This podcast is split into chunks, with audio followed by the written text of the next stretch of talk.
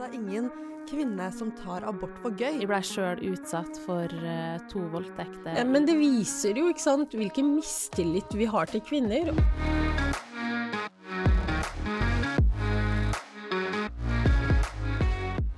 Velkommen til en ny episode av podkasten På tinget. Jeg heter Natalia Åkre, og i dag har jeg faktisk med meg to gjester. To kvinner, nemlig Marian Hussein, velkommen tilbake. Tusen takk. Som er vår eh, helsepolitisk talsperson. Og så er vi så heldige at vi har med oss June Holm, som står bak Vi tror deg-stiftelsen. Velkommen så mye til deg. Tusen takk. Dette er jo litt sånn spesiell episode. Litt sånn 8. mars-spesial. Eh, fordi denne uken så var det jo 8. mars. Eh, hadde dere en eh, fin feiring? Ja, en kjempefin feiring og en hektisk ettermiddag, vil jeg jo si. Eh, men det er jo bare én gang i året, og eh, det siste jeg gjorde av eh, holdt jeg på å si, sosialt samhandling og møte masse mennesker før koronapandemien, var jo 8. mars. og gå i toget den søndagen i 2020. Så det å få lov å samles titusenvis av kvinner i Oslo denne uken, var veldig spesielt og veldig deilig.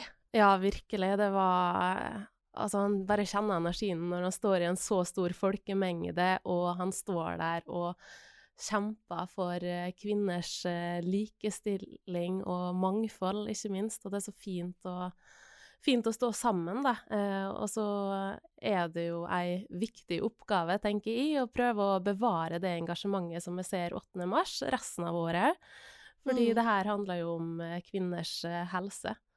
Oppmøtet var jo helt fantastisk. Eh, det var så mye folk, og det er så mange bra saker eh, som var eh, i år. Jeg skulle ønske at de kunne stille med Altså at de kunne dele meg opp og stille meg bak alle de parolene ja. som var, og så kan han bare stille seg bak én parole, for det er jo så mange viktige saker som trengs eh, å få ja, bli belyst, da. Og så var det noen som gjorde det først, så gikk de liksom med det under den ene parolen, og så hoppet de av og sto og venta, og så gikk de under en annen parole. Det viktigste er jo bare møt opp eh, og vis solidaritet. Godt sagt. Uh, June, det er jo du som står bak uh, Vi tror deg-stiftelsen. Kan ikke du si litt hva det går ut på, til de som ikke vet det? Ja, Vi tror deg-stiftelsen den ble grunnlagt i 2017, så litt over fem år siden nå. Og da hadde jeg lenge gått med et ønske om å gjøre en forskjell, og hadde et håp om å kunne bidra, fordi jeg blei sjøl utsatt for uh, to voldtekter i 2009, og kjente det at um, det var ikke akseptabelt, blant annet, å stå fram av min historie, da opplevde jeg at uh, det var sånn typisk victim blaming, og at um, um, mange da dessverre ikke trodde meg som utsatt. Um, og jeg gikk jo gjennom en lang rettsprosess som endte da med domfellelse. Og jeg så jo da hvor ekstremt vanskelig det var å At det, at det blei det utfallet, da, som eh, det blei. Det skulle jo da gjennom både tingretten, lagmannsretten og opp til Høyesterett. Um, og så er det jo da dessverre sånn at én uh, av ti kvinner uh, blir utsatt for voldtekt, og bare én av hundre voldtekter ender med domfellelse. Mm. Dette her er et ekstremt stort samfunnsproblem. Og ikke minst så har det jo uh, store samfunnsøkonomiske konsekvenser. Så Vi tror da stiftelsen har jo da et håp om å være med å forebygge, avdekke og belyse, og ikke minst være med å bedre rettssikkerheten for kvinner. Mm. Og som du nevnte, så har jo du stått frem. Eh, hvordan var det? Eh, jeg sto jo da frem ganske kort tid etter eh, at det her skjedde med meg, og mm. jeg ser jo nå i etterpå ettertid at uh, jeg da var altfor sårbar og ikke klar for å stå frem med min historie. Men så var det jo noe med det at jeg var fra en liten plass, det hadde allerede blitt en del ryktespredning, og jeg følte et behov for å ta litt kontroll og makt over min historie. Jeg det var veldig vanskelig da å høre alle rykter og sånn som blei spredt. Eh, mm. Og det her er jo veldig synd, at eh, da, ikke bare blir han utsatt for eh, så grov eh, handling som det voldtekt er, men han kan oppleve nye overgrep i samfunnet, da.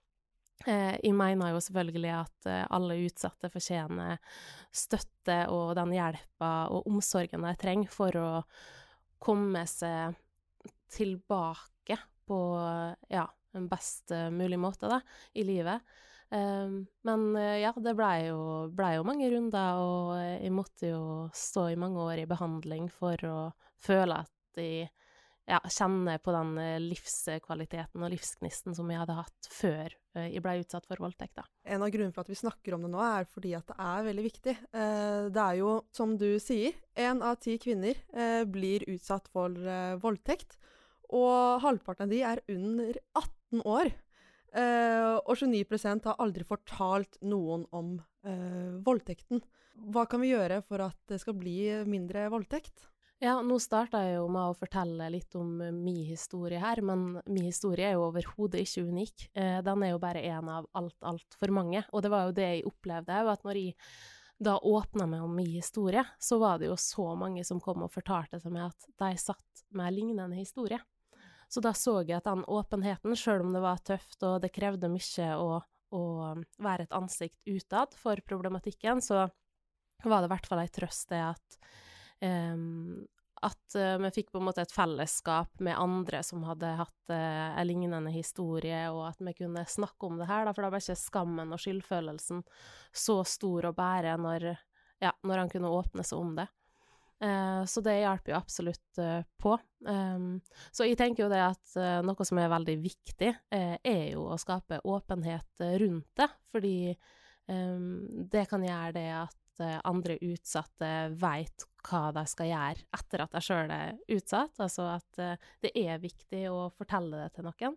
Det er viktig å ta steget og oppsøke hjelp, og forhåpentligvis òg å komme seg til overgrepsmottaket, sånn at, sånn at en kan ha bevis på sin side da, hvis en velger å anmelde, f.eks.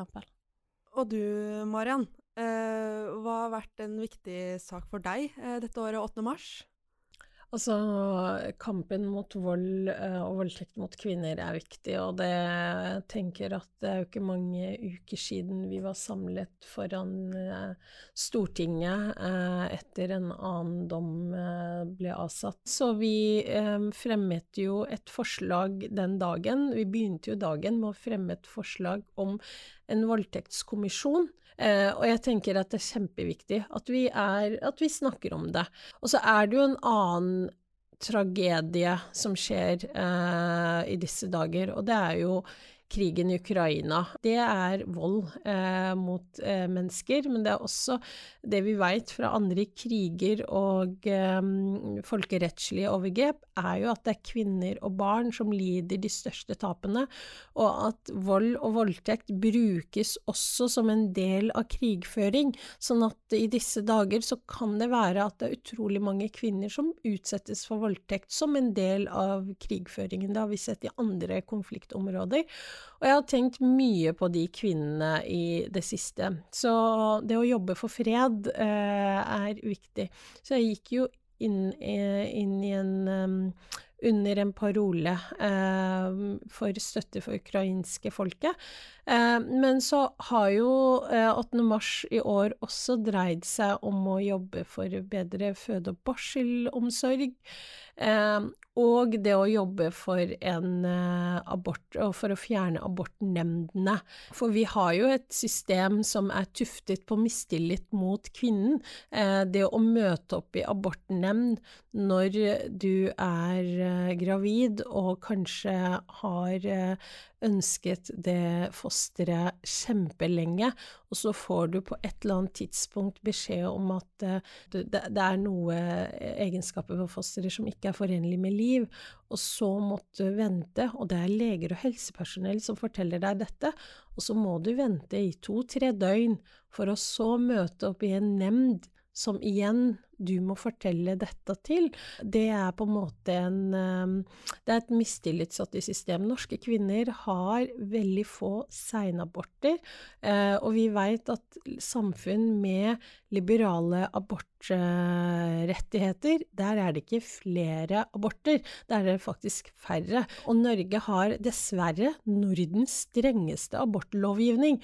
Så, så, så, så det er på en måte Det her overformynderiet må ta slutt. Det er det ingen tvil om, og jeg har jo det siste året eh, jobba med et bokprosjekt eh, om abort, der eh, jeg og Aftenposten-journalist Vilde Bratland Hansen har snakka med over 200 kvinner og ikke minst fagpersoner. Og samtlige er jo enige om at de nemndene de er egentlig bare overflødige, og at det føles unødvendig. Og han kan på en måte se på det som en rettssak da, for, for, å ta et viktig valg for ens eget liv. Og at uh, tenk at det nok skal sitte noen på andre sida av bordet og, og, ta en så avgjørende bestemmelse for en annen kvinne, da.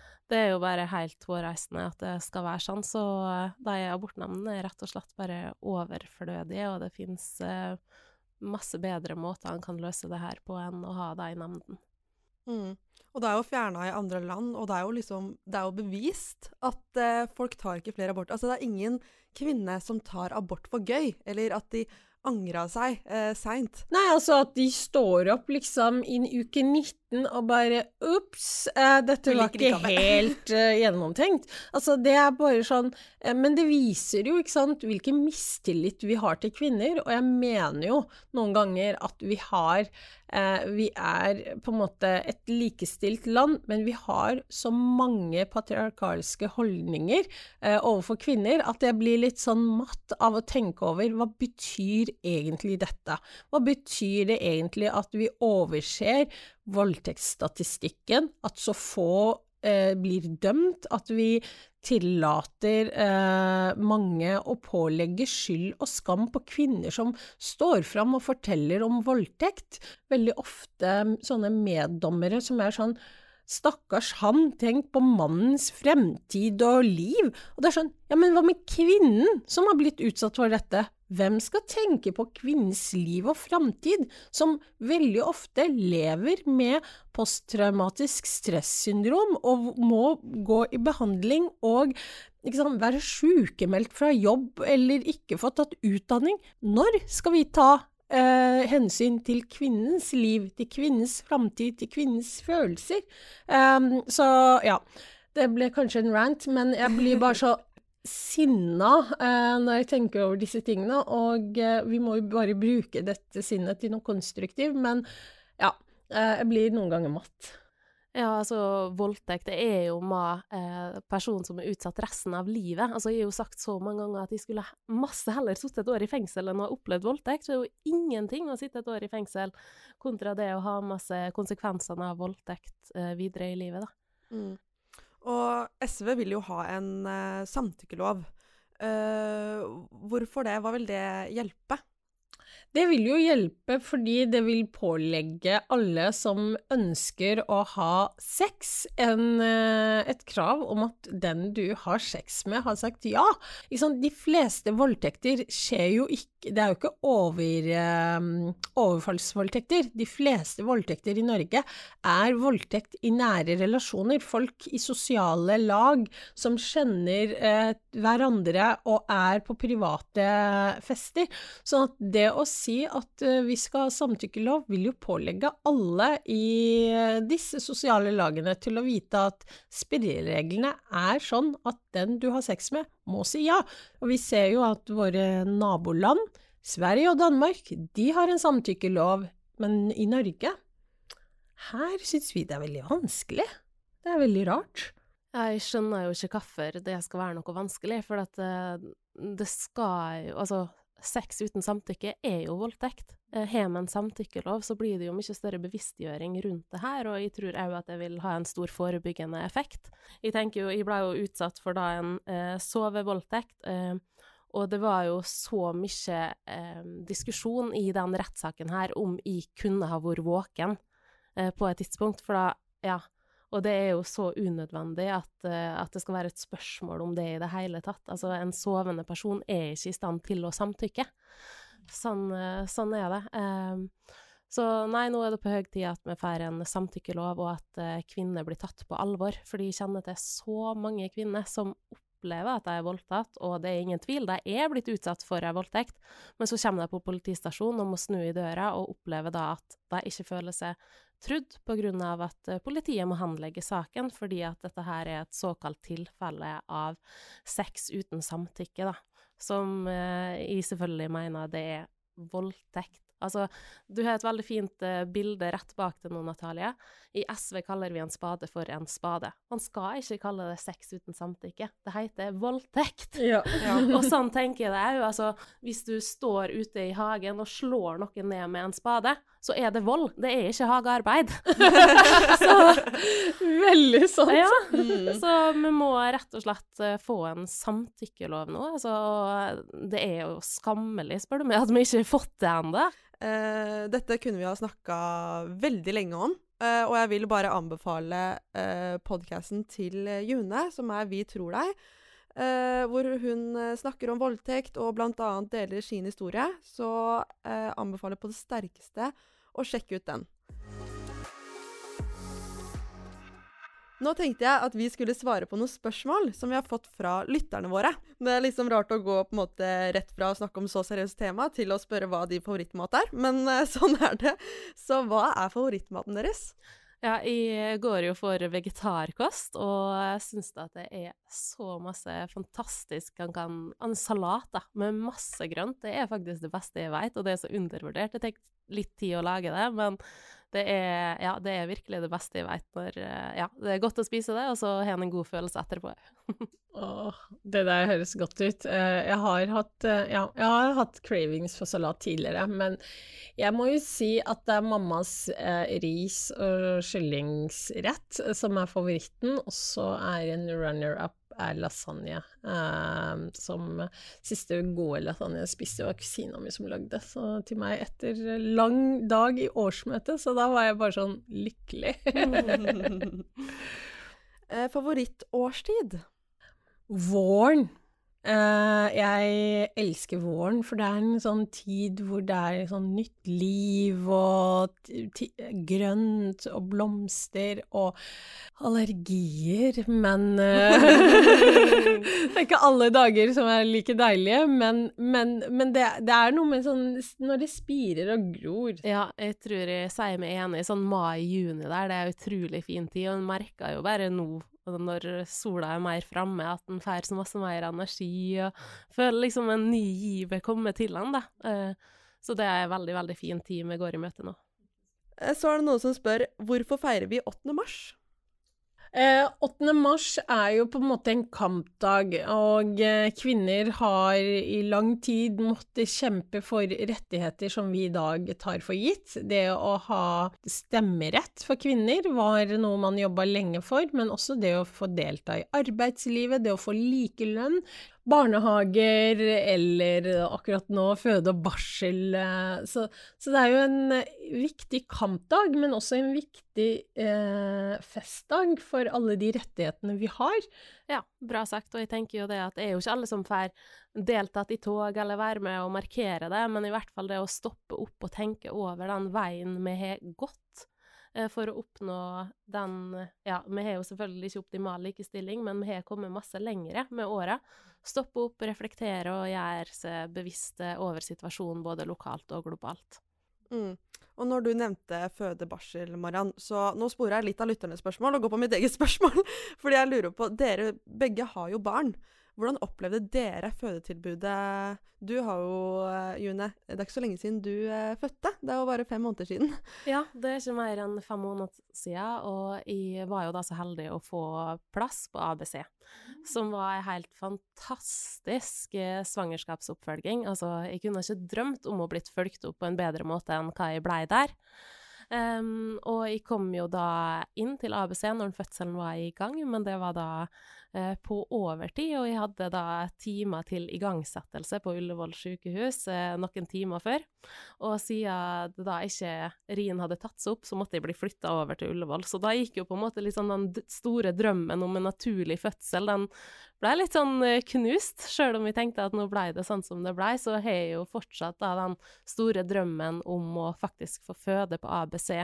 Uh, den er man med fortsatt, så jeg håper jo det at den drømmen kan gå i oppfyllelse en dag. Men nå ser jeg jo det at jeg kjemper jo både for en naturlig fødsel for min egen del, men òg for utallige andre kvinner som ønsker å ha en naturlig fødsel. Og så var jeg så heldig å få da barseloppfølging òg hos ABC, som var helt, helt fantastisk. Så jeg står sammen med alle de som kjemper for eh, en enhet for naturlige fødsler, altså, for det er så, så viktig. Og jeg var jo da så uheldig at jeg opplevde at eh, det var tidspress på Ullevål eh, under en overtidskontroll som jeg hadde der. Uh, det her var to dager før jeg fødte, og da fikk jeg vite det at um, barnet jeg bærte, hadde unormalt stort hode, og at jeg hadde unormalt masse fostervann. Og det her var jo heldigvis ikke en realitet, men jeg fikk den beskjeden. Og det som da skjedde med en gang jeg kom inn på den overtidskontrollen, var jo at uh, telefonen til legen ringte, og legen sier det at uh, jeg skal komme så fort jeg bare kan. Uh, jeg har én klient til her, og så skal jeg komme. Så jeg bare skjønte med en gang jeg kom inn i det rommet at her er det altså kapasitetsproblem, altså det er tidspress. og Dessverre da, så gikk det utover eh, meg, eh, som da var i en ekstremt sårbar situasjon, for det her var på ti dager over eh, termin. Eh, og å få den beskjeden to dager før jeg fødte, det, det ødelagte veldig masse av den siste tida i svangerskapet mitt, altså. Ja, for du ble jo bekymra, og det setter jo i gang masse følelser om hvordan skal dette å gå, ikke sant? Ja, om jeg blei. Altså, jeg knakk fullstendig sammen, og ikke fikk jeg noe tid eller mulighet til å spørre eh, om alle spørsmåla som jeg satt med, for den legen her eh, hadde et tidspress og hadde egentlig ikke tid til at de skulle være der, for eh, en rekke andre oppgaver, da, eh, antar jeg, eh, venta på vedkommende vi tar jo ikke kvinner på alvor når vi eh, har nå eh, en del som går ut og sier sånn Ja, det å ha, eh, det å ha plass på ABC, det er sånn luksus. Det er luksusgode. Og det er sånn, det å ha en jordmor hos seg som har tid til å følge deg opp, som gir deg trygghet, er ikke luksus. Det er noe kvinner har gjort i alle tider. Altså, lenge før vi hadde sykehus, eh, så hadde vi eh, fødedamer som hjalp kvinner som skulle føde, føde.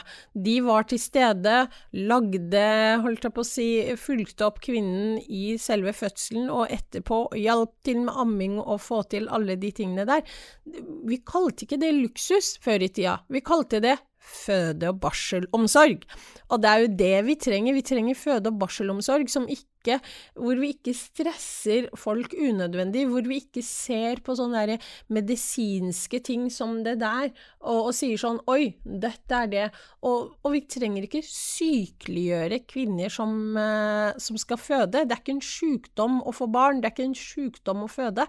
Eh, men vi har et innsatsstyrt finansieringssystem som vil heller at man skal ta masse inngrep på friske kvinner, istedenfor å lytte til kroppen. Jeg snakket nylig med ei kvinne som eh, fødte sitt første barn i vanlig avdeling som deg, og sitt andre barn i en ABC-avdeling, og hun sa at når hun fødte sitt første barn, så var de så redde, lenge før den aktive delen av fødselen var i gang, så var de så redde for at hun skulle revne, at de tok og snitta henne liksom opp, ikke sant, på sidene. Og så eh, fødte hun, og det gikk bra, men hun gikk jo rundt og hadde vondt og ubehagelig hver gang hun gikk på do etterpå på grunn av den klippinga.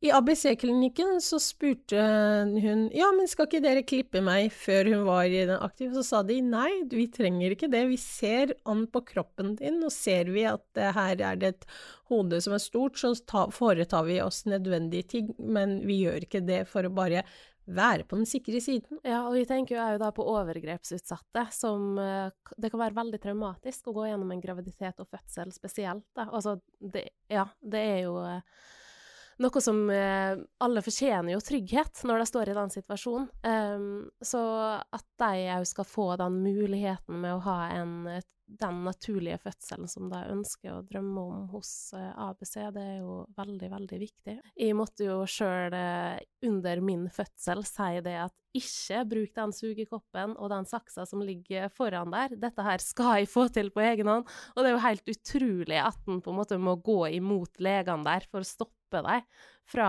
å bruke medikamentelle metoder, da. Da måtte jeg bare Jeg skjønte nesten ikke at den krafta og stemma mi kom fram i den situasjonen jeg var i, men det var så viktig for meg, og jeg stolte sammen på kroppen min og visste at dette her klarer jeg på egen hånd, uten at de skal ta imot de uh, Ja, at de skal bruke de metodene de nå har tatt fram. Jeg er så imponert at du kan stå i noe sånt når du er i en sånn situasjon, liksom. Så Nei, wow. Skal vi gå tilbake til spørsmålene? Hva gjør man dersom man blir eh, voldtatt? Ja, jeg tenker jo at um, det første jeg da uh, vil anbefale, er jo å dele det med noen. Altså, vi har jo eh, overgrepsmottaket, vi har Dixie ressurssenter, uh, som er helt fantastiske og kan uh, hjelpe videre. Men det vil òg selvfølgelig å være fint å dele det med en person han stoler på, om det er foreldre eller venner.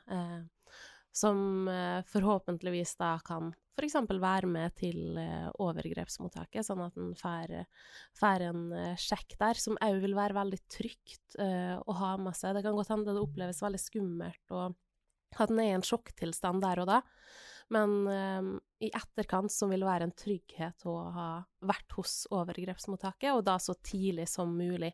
Helst før han har vært på toalettet, pussa tenner, altså prøve å unngå eh, det, eh, og òg eh, beholde klærne som, eh, som man hadde, for det kan være viktige bevis og sporsikring da, hvis en velger å gå til politiet. Og så er det jo sånn at overgrepsmottaket de oppbevarer bevismateriale i et halvår, så han trenger ikke å gå til politiet med en gang hvis han syns det er skummelt. Han kan bruke litt eh, betenkningstid der, men selvfølgelig òg at eh, han ønsker jo selvfølgelig at eh, alle overgrep skal bli anmeldt, men jeg har veldig, veldig stor forståelse for at eh, det kan være en eh, høy terskel å kreve mye da, å gå til politiet.